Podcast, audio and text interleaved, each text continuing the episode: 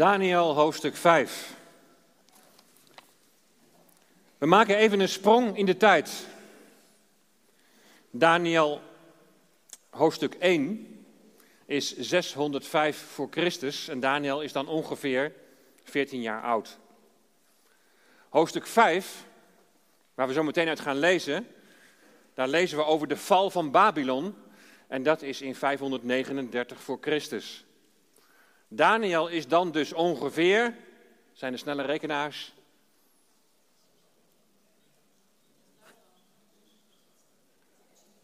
Ik hoor niks, maar het, is 80 jaar ongeveer. Oh, het staat daar ook, hè? Ja, spieken. Na koning Nebukadnezar, waarover we gelezen hebben in de eerste vier hoofdstukken, zijn er een aantal koningen geweest die kortstondig hebben geregeerd. En dat het iedere keer kortstondig was, geeft al wel aan dat er ook iedere keer gedonder was in het rijk. In hoofdstuk 5 wordt gesproken over een zekere koning Belsazar. Nou ja, koning, je ziet daar ook een vraagteken staan. Want van 555 tot 539 voor Christus, tot de val van Babylon dus, regeert namelijk koning Nabonides. En Nabonides is de vader van koning Belsazar. Niet te verwarren met Daniel, die Beltzazar wordt genoemd. Het lijkt heel veel op elkaar. En deze koning Naboni dus, waarschijnlijk de schoonzoon van Nebukadnezar, dus getrouwd met zijn dochter, die had niks met het koningschap. Het was een vlierenfluiter. Hij leefde er een beetje op los. Een groot gedeelte van zijn regering bevond hij zich niet eens in Babel. Zo'n tien jaar verbleef hij in Thema in Noord-Arabië, ver van de hoofdstad Babel. En Belsazar, zijn zoon, waar we zo meteen over gaan lezen, Belsazar, zijn zoon, dus de kleinzoon van Nebukadnezar, die in dit hoofdstuk koning wordt genoemd, hij was eigenlijk meer van een soort van, van regent, omdat zijn vader afwezig was. En het loopt slecht af. We zijn hier in hoofdstuk 5 zo meteen getuigen van het einde van het Babylonische Rijk. En Daniel had het lang geleden natuurlijk al lang voorzegd bij de uitleg van dat beeld. dat na Babylon het volgende rijk zou komen, de Meden en de Perzen. In vers 1 zullen we zo meteen lezen dat koning Belsazar een groot feestmaal aanricht. Maar het is belangrijk dat je even weet onder welke omstandigheden dat plaatsvindt. Want dan ga je het hoofdstuk veel beter begrijpen. Het rijk van de Meden en de Perzen trekt al op tegen het Babylonische leger en hebben al delen van het rijk veroverd. Ze staan voor de poorten van de stad. Maar Belshazzar was waarschijnlijk gerustgesteld door het idee dat zijn vader, koning Nabonides, die vlierenfluiter, dat hij met een leger onderweg was om de stad te ontzetten. Wat Belshazzar waarschijnlijk niet heeft geweten, of niet te horen heeft gekregen, is dat zijn vader en zijn leger daar verpletterend zijn verslagen. Een andere reden voor gerustheid voor Belshazzar is dat, eerder die dag nog een, dat hij eerder die dag nog een slag heeft geleverd met de Meden en de Perzen en toen een overwinning heeft behaald. Maar wat hij niet wist was dat, dat de verslagenen in no tempo weer terugkwamen en dus de stad omringden. Onder die omstandigheden gaat Belshazzar een feestje vieren, een feestmaal aanrichten. We lezen vanaf vers 1. Koning Belshazzar richtte een groot feestmaal aan voor zijn duizend machthebbers en in tegenwoordigheid van die duizend dronk hij wijn. Onder invloed van de wijn beval Belshazzar dat men de gouden en de zilveren voorwerpen moest halen die zijn vader Nebukadnezar had weggehaald uit de tempel in Jeruzalem. Opdat de koning zijn machthebbers, zijn vrouwen en bijvrouwen eruit zouden drinken.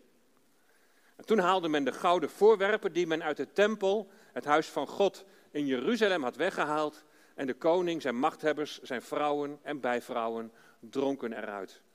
En ze dronken wijn en prezen hun goden van goud, zilver, koper, ijzer, hout en steen. We zeggen altijd dat het niet erg is om fouten te maken, want van fouten leer je van. Maar de fouten die Belzazar maakt, die worden hem fataal. Vanmorgen gaan we leren van de fouten van koning Belzazar. We gaan in relatie tot leiderschap gaan we lezen en leren met elkaar hoe het niet moet. En tegelijkertijd draaien we het dan om en gaan we ontdekken wat belangrijke principes zijn in relatie tot leiderschap. En dat leek me wel een heel goed idee, zo we nu als gemeente ook op zoek zijn naar nieuwe oudsten. Wat zijn belangrijke principes als je leiding geeft? Nou, wat we als eerste van Belshazzar weten, dat is dat hij in zijn vader geen goed voorbeeld heeft gehad. Een vader die geen verantwoordelijkheid op zich nam. Een vader die liever ging voor zijn eigen pleziertjes dan dat hij zorg droeg voor de opvoeding en de begeleiding van zijn zoon. Conclusie is dat als de vader niet leiding geeft aan zijn zoon, dat de vader ook geen goede leider zal zijn op andere terreinen, zoals het aanvoeren van het leger. En hetzelfde geldt voor oudsten in de gemeente. Want in 1 Timotheüs 3 vers 5 staat, want als iemand niet weet hoe hij leiding moet geven aan zijn eigen huis, hoe zal hij voor de gemeente van God zorg dragen? Als aan een land geen leiding wordt gegeven, dan gaat het land gaat ten onder. Als aan het gezin geen leiding wordt gegeven, dan stapelen de problemen zich op. Wat wil je van Belshazzar verwachten met zo'n vader als voorbeeld? Als je iemand vraagt om verantwoordelijkheid te dragen, dan is een goede vraag die je zou kunnen stellen is, uit welk nest kom je? Niet dat Belshazzar dan maar meteen moet worden afgeschreven, maar het is wel goed om te kijken van hoe heeft hij zich nu ontwikkeld? Of en hoe hij zich ontworsteld heeft aan zijn verleden. En of hij gaandeweg heeft geleerd wat leidinggeven betekent, wat het betekent om verantwoordelijkheid op je te nemen.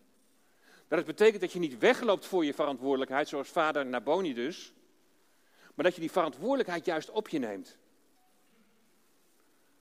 Belshazzar doet dat op zich wel, hij neemt die verantwoordelijkheid wel, maar helaas zie je de gevolgen van zijn, op, van zijn opvoeding, of gebrek aan opvoeding. En je ziet het doorwerken in zijn manier van leiding geven. Als je leiding geeft aan, als koning, dan moet je je volk beschermen. En dan moet je bestand zijn tegen de vijand. Dan moet je een zekere mate van volwassenheid en ervaring hebben.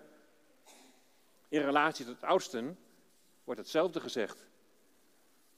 In 1 Timotheus 3, vers 6. Hij mag geen pasbekeerde zijn, opdat hij niet verwaand wordt en daardoor onder het oordeel van de duivel valt. Als je een pasbekeerde bent, dan heb je nog te weinig kennis en ervaring opgedaan in relatie tot de tactieken van de duivel van de vijand. Dan kun je de kracht van de vijand kun je zomaar onderschatten. En voordat je het weet, verslindt die brullende leeuw je. Als een jong bekeerde al heel vroeg veel verantwoordelijkheid krijgt, dan kun je onder die verantwoordelijkheid bezwijken. Je hebt nog onvoldoende geleerd om in afhankelijkheid van God te leven. Je moet nog groeien. Als een pasbekeerde al snel verantwoordelijkheid krijgt, dan kunnen principes als dienen, nederigheid, en toewijding nog onvoldoende zijn geleerd en toegepast. En het gevaar bestaat dan dat hoogmoed, het belangrijk vinden van jezelf, dat het zomaar een plek gaat krijgen in je hart. En Belzazar die onderschat de vijand.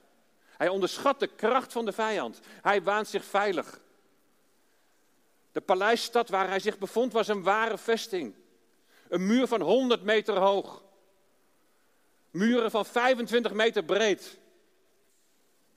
Dit deel, deze burcht van Babel waar ze feest vierden, was onneembaar. Tenminste, dat dachten ze. Bovendien liep nog een arm van de rivier de Uifraat, die liep door de paleisstad onder de stadsmuren door. Die zorgde voor de watervoorziening. Maar zo kon de vijand dus ook niet onder de muren de stad belegeren, dachten ze. Onvolwassen leiderschap geeft de vijand kans om binnen te dringen. Onvolwassen leiderschap geeft de Satan kans om zijn klauwen tussen de deur te zetten en zijn verwoestende werk te doen. Er wordt een feestmaal aangericht. Vrede, vrede, geen gevaar. En wat voor een feestmaal? Duizend machthebbers zijn aanwezig. Een feestmaal aanrichten als het, als het rijk wankelt.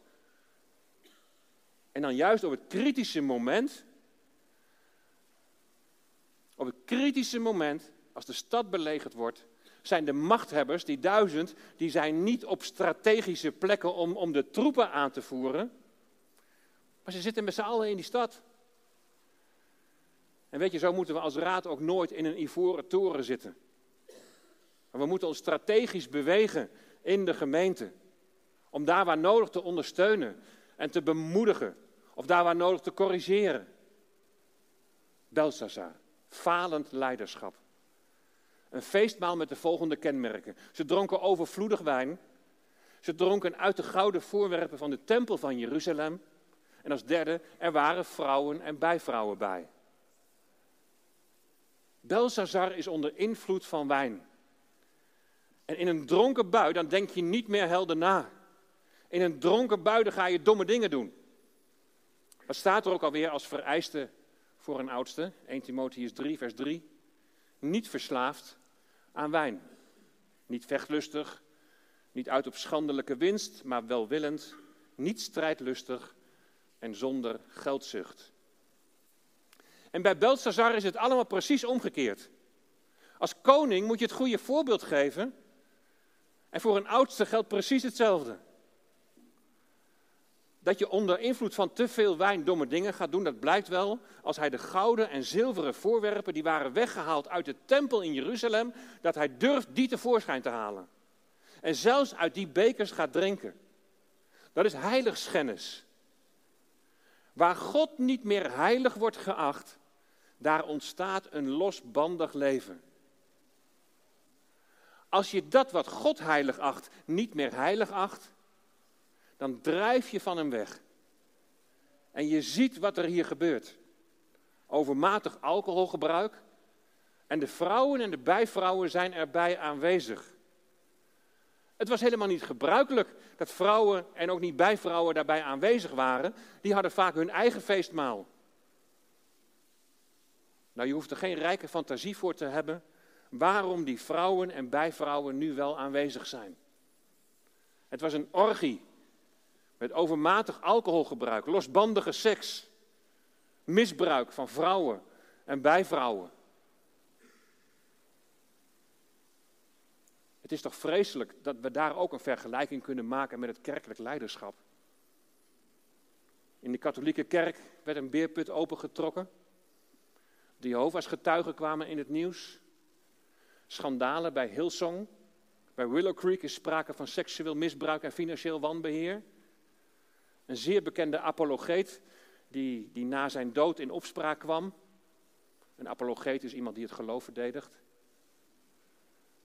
Maar wij, baptisten, ontkomen er ook niet aan. In het Nederlands Dagblad stond over de Southern Baptist in Amerika het volgende. De doofpot bij de Southern Baptist blijkt van apocalyptisch formaat. Hoe meer verantwoordelijkheid, hoe groter wellicht de verleidingen. 1 Timotheus 3, vers 2. Een opziener nu moet onberispelijk zijn. De man van één vrouw. Beheerst, bezonnen, eerbaar, gastvrij. Dus niet verslaafd aan wijn, niet verslaafd aan drank en een heilig leven leiden, onder andere en zeker op het gebied van, van relaties en seksualiteit.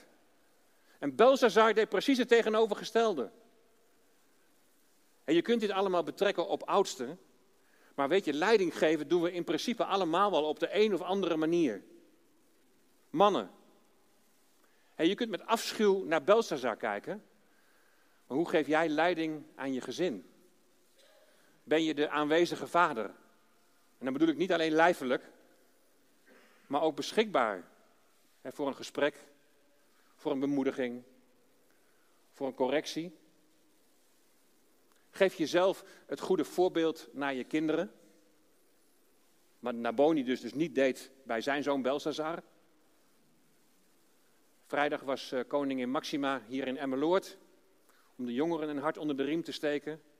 En zij roept de volwassenen op om een voorbeeld te zijn voor de kinderen, om een voorbeeld te zijn voor de jeugd. Wat wil je anders straks van hun verwachten?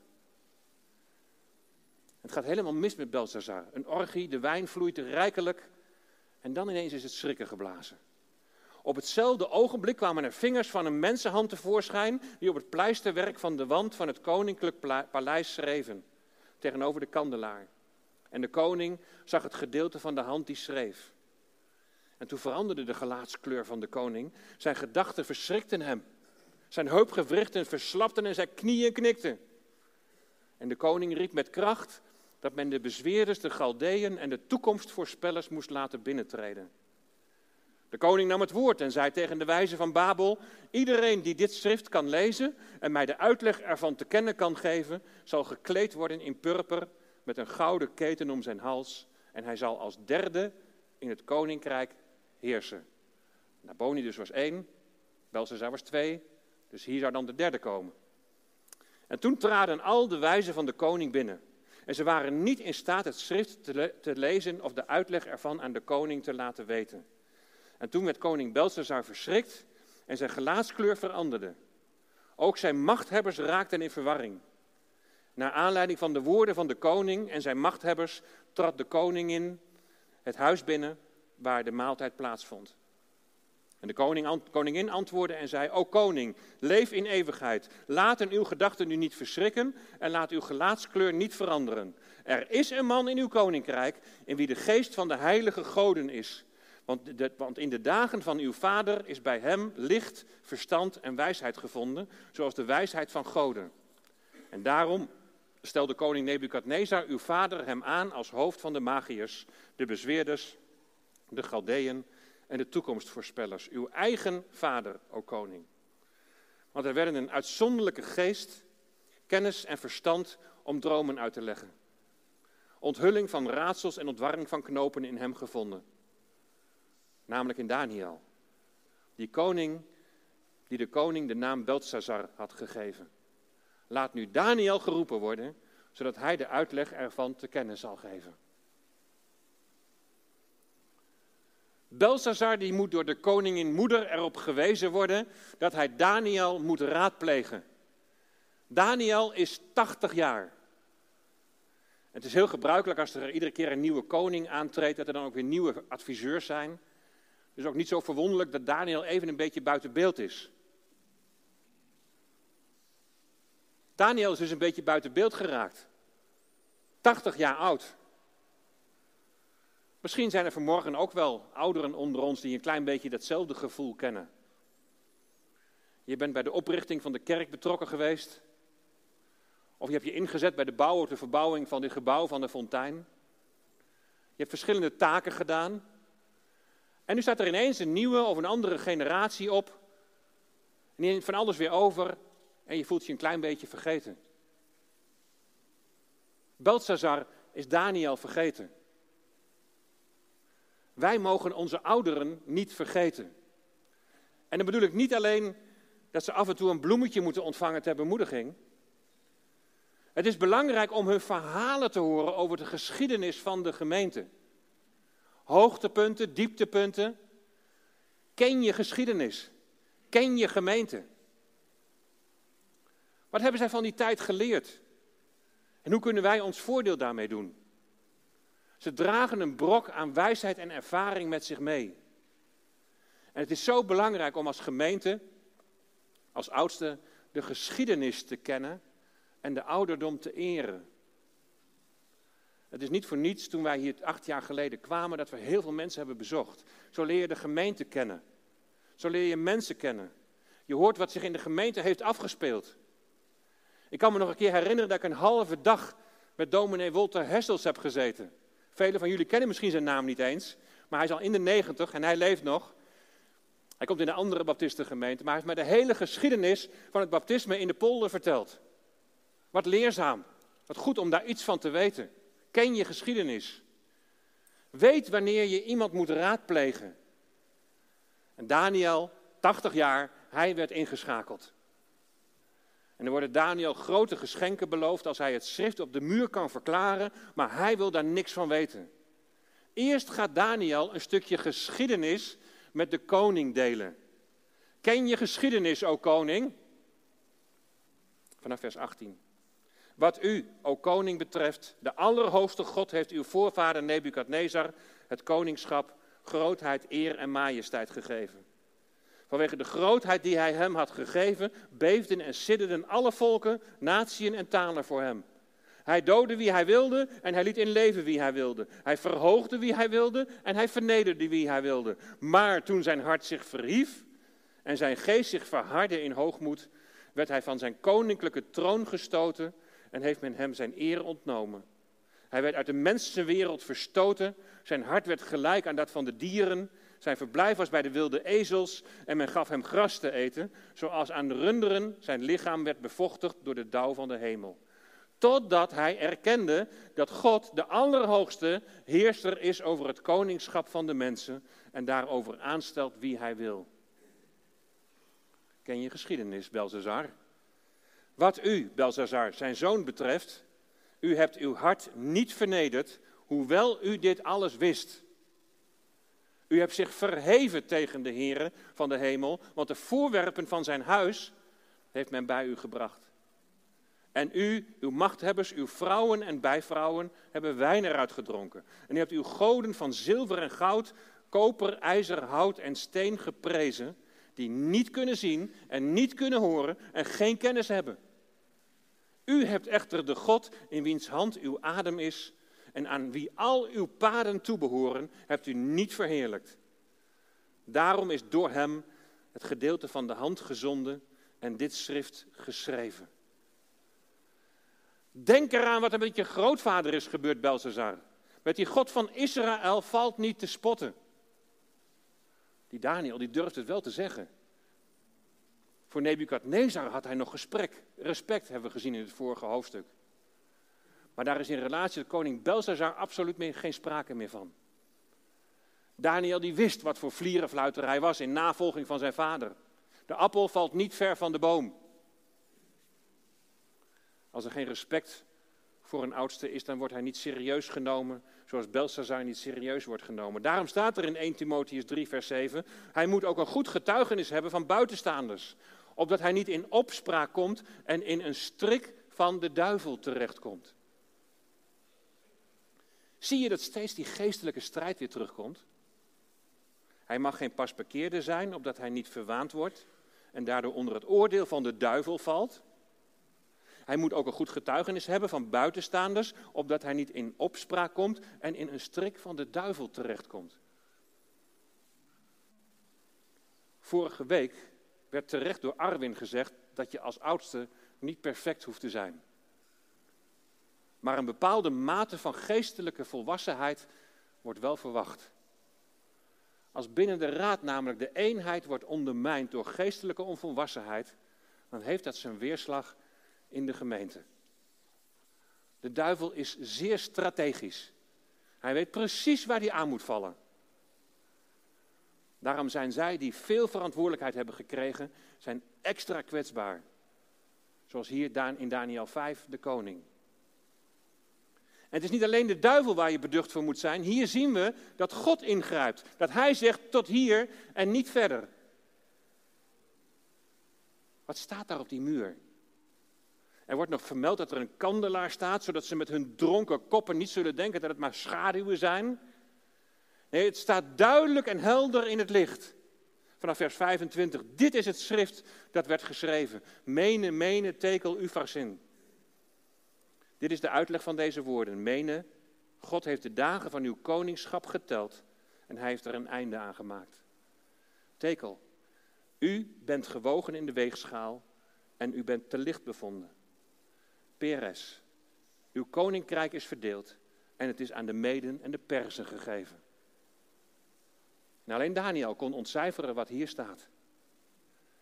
Maar tijdens de onderwijsavond zal ik wat uitgebreider ingaan op wat hier nou staat en hoe het nou komt dat de ene keer Ufrasin en de andere keer Peres staat. Misschien heb je het verschil al gezien.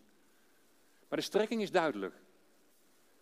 Aan Belshazzar wordt duidelijk gemaakt dat er een einde komt aan zijn koninkrijk. God maakt er een einde aan. Hij stelt aan en hij zet af.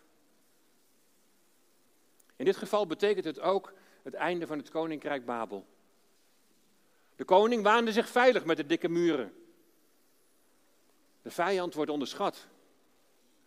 Door een losbandig leven kan de vijand zijn gang gaan. En dit is een belangrijk geestelijk principe dat ons zou moeten waarschuwen. Door mee te gaan met de principes van deze wereld worden de bressen in de muur geslagen. Dat moet je als koning en dat moet je als leider, dat moet je als oudste, maar dan moet je ook als ouder moet je dat herkennen en onderkennen. Je moet de mensen daarvoor waarschuwen en zelf het goede voorbeeld geven en daarin onderwijzen.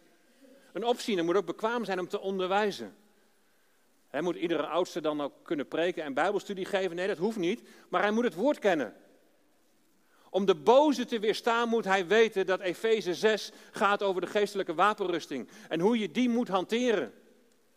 Geef mij uw schild en uw zwaard in de strijd, hebben we net gezongen. Laatst waren we met iemand in gesprek en die zei: Ja, maar ik ben maar een eenvoudige jongen. Toen zei ik: Ja, maar dat maakt ook helemaal niet uit. Maar gaandeweg merkte ik wel dat hij gedurende dat gesprek steeds weer het woord van God in dat gesprek betrok. Je bent als oudste ben je geroepen om de kudde te beschermen. En natuurlijk doe je dat met elkaar en de een die vult de ander aan. Met verschillende gaven. Je moet de tijd onderkennen waarin we leven. En beseffen dat de duivel rondgaat als een brullende leeuw, zoekende wie hij kan verslinden.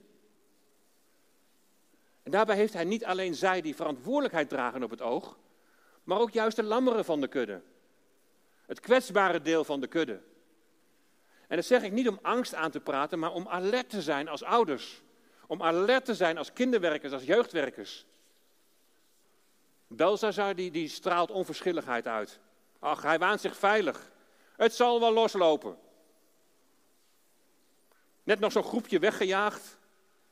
Maar ja, behaalde resultaten in het verleden zijn natuurlijk geen garantie voor de toekomst.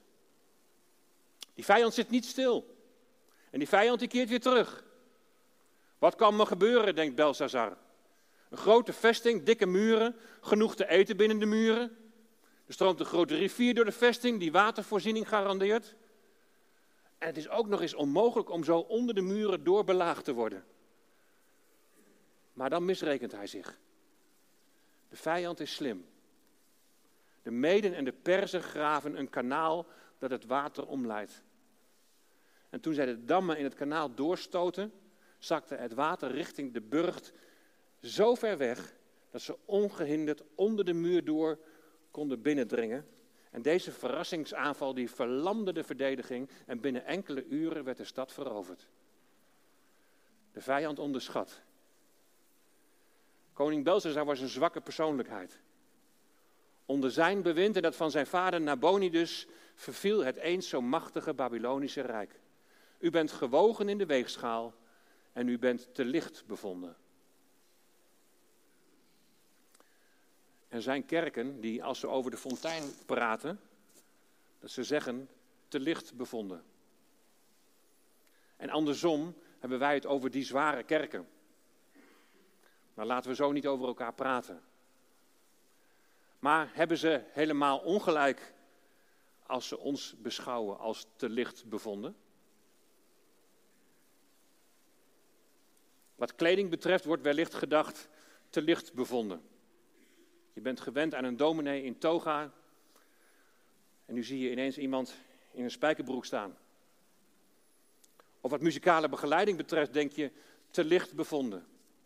je bent gewend dat het orgel de samenzang begeleidt en nu zie je een band en dan ook nog een zangleider die een belangrijk deel van de dienst invult. Laten we alsjeblieft te licht bevonden niet afmeten aan dit soort dingen. God ziet het hart aan. De vraag die je zou moeten stellen, de vraag waaraan je kunt meten of je wel of niet te licht bevonden wordt, is: welke plaats heeft de Heere God in jouw leven? Is jouw hart gericht op Hem? Wil je aan Hem onderdanig zijn? Mag Hij iets vinden van de keuzes die jij maakt in jouw leven? Wil je ten allen tijde jouw keuzes ondergeschikt maken aan de wil van God? Niet mijn wil, maar uw wil geschieden. Ben je bereid om je te laten vormen en kneden naar het beeld van de Heer Jezus? Besef je iets van de heiligheid van God? Of ben je zo'n vlierenfluiter als Nabonidus en heb je oneerbiedig gezegd, Jezus in je broekzak en laat je hem tevoorschijn komen op het moment dat het jou uitkomt? Toen Belshazzar Toen beval Belshazzar dat zij Daniel in purper moesten kleden met een gouden keten om zijn hals. En dat zij van hem moesten uitroepen dat hij als derde in het koninkrijk zou heersen. Je kunt het in ogen van de mensen helemaal hebben gemaakt. Je ontvangt van hen aanzien en je ontvangt macht. Maar vind je daarin werkelijk je voldoening, de voldoening in je leven? Jezus is de volmaakte leider. Hij is de opperherder die ons leidt. Hij werd niet geprezen. Hij vernederde zichzelf. Hij zei: Ik ben niet gekomen om te heersen, maar ik ben gekomen om te dienen. Jezus ging de onderste weg. Jezus ging de weg van het kruis. Als je zometeen brood en wijn neemt, is het dan het besef dat je verloren lag in zonde en schuld? Is het besef van de prijs die de Heer Jezus voor jou heeft betaald? Dan wil je niet anders dan de zeggenschap over je leven uitleveren aan Hem. Hij die jou heeft gekocht en betaald met zijn bloed. Mijn Jezus, mijn redder. Jullie mogen alvast uh, je plek innemen, want dit lied gaan we zo meteen met elkaar zingen. Mijn Jezus, mijn redder. Heer, er is niemand als u. Laat elk moment al wat ik denk vol zijn van uw liefde, Heer. Mijn schuilplaats, mijn trooster, veilige toren van kracht, adem en stem, al wat ik ben, brengen u voortdurend eer. Is die opgevallen het laatste? Adem en stem, al wat ik ben, brengen u voortdurend eer. Weet je, dat is mijn verlangen. Is dat ook jouw verlangen? Ja, ik struikel wel eens. Ik ken ook die strijd tussen vlees en geest. Ik zit ook niet altijd boven op de berg. Maar Christus woont door zijn geest in mij. Aan Hem wil ik me onderwerpen. Hij wil het niet mijn wil, maar uw wil geschieden in mij uitwerken. Geef jij je daar ook aan over? Adem en stem. Al wat ik ben, brengen u voortdurend eer. Ga je het meezingen als verlangen? Zullen we staande doen? Amen.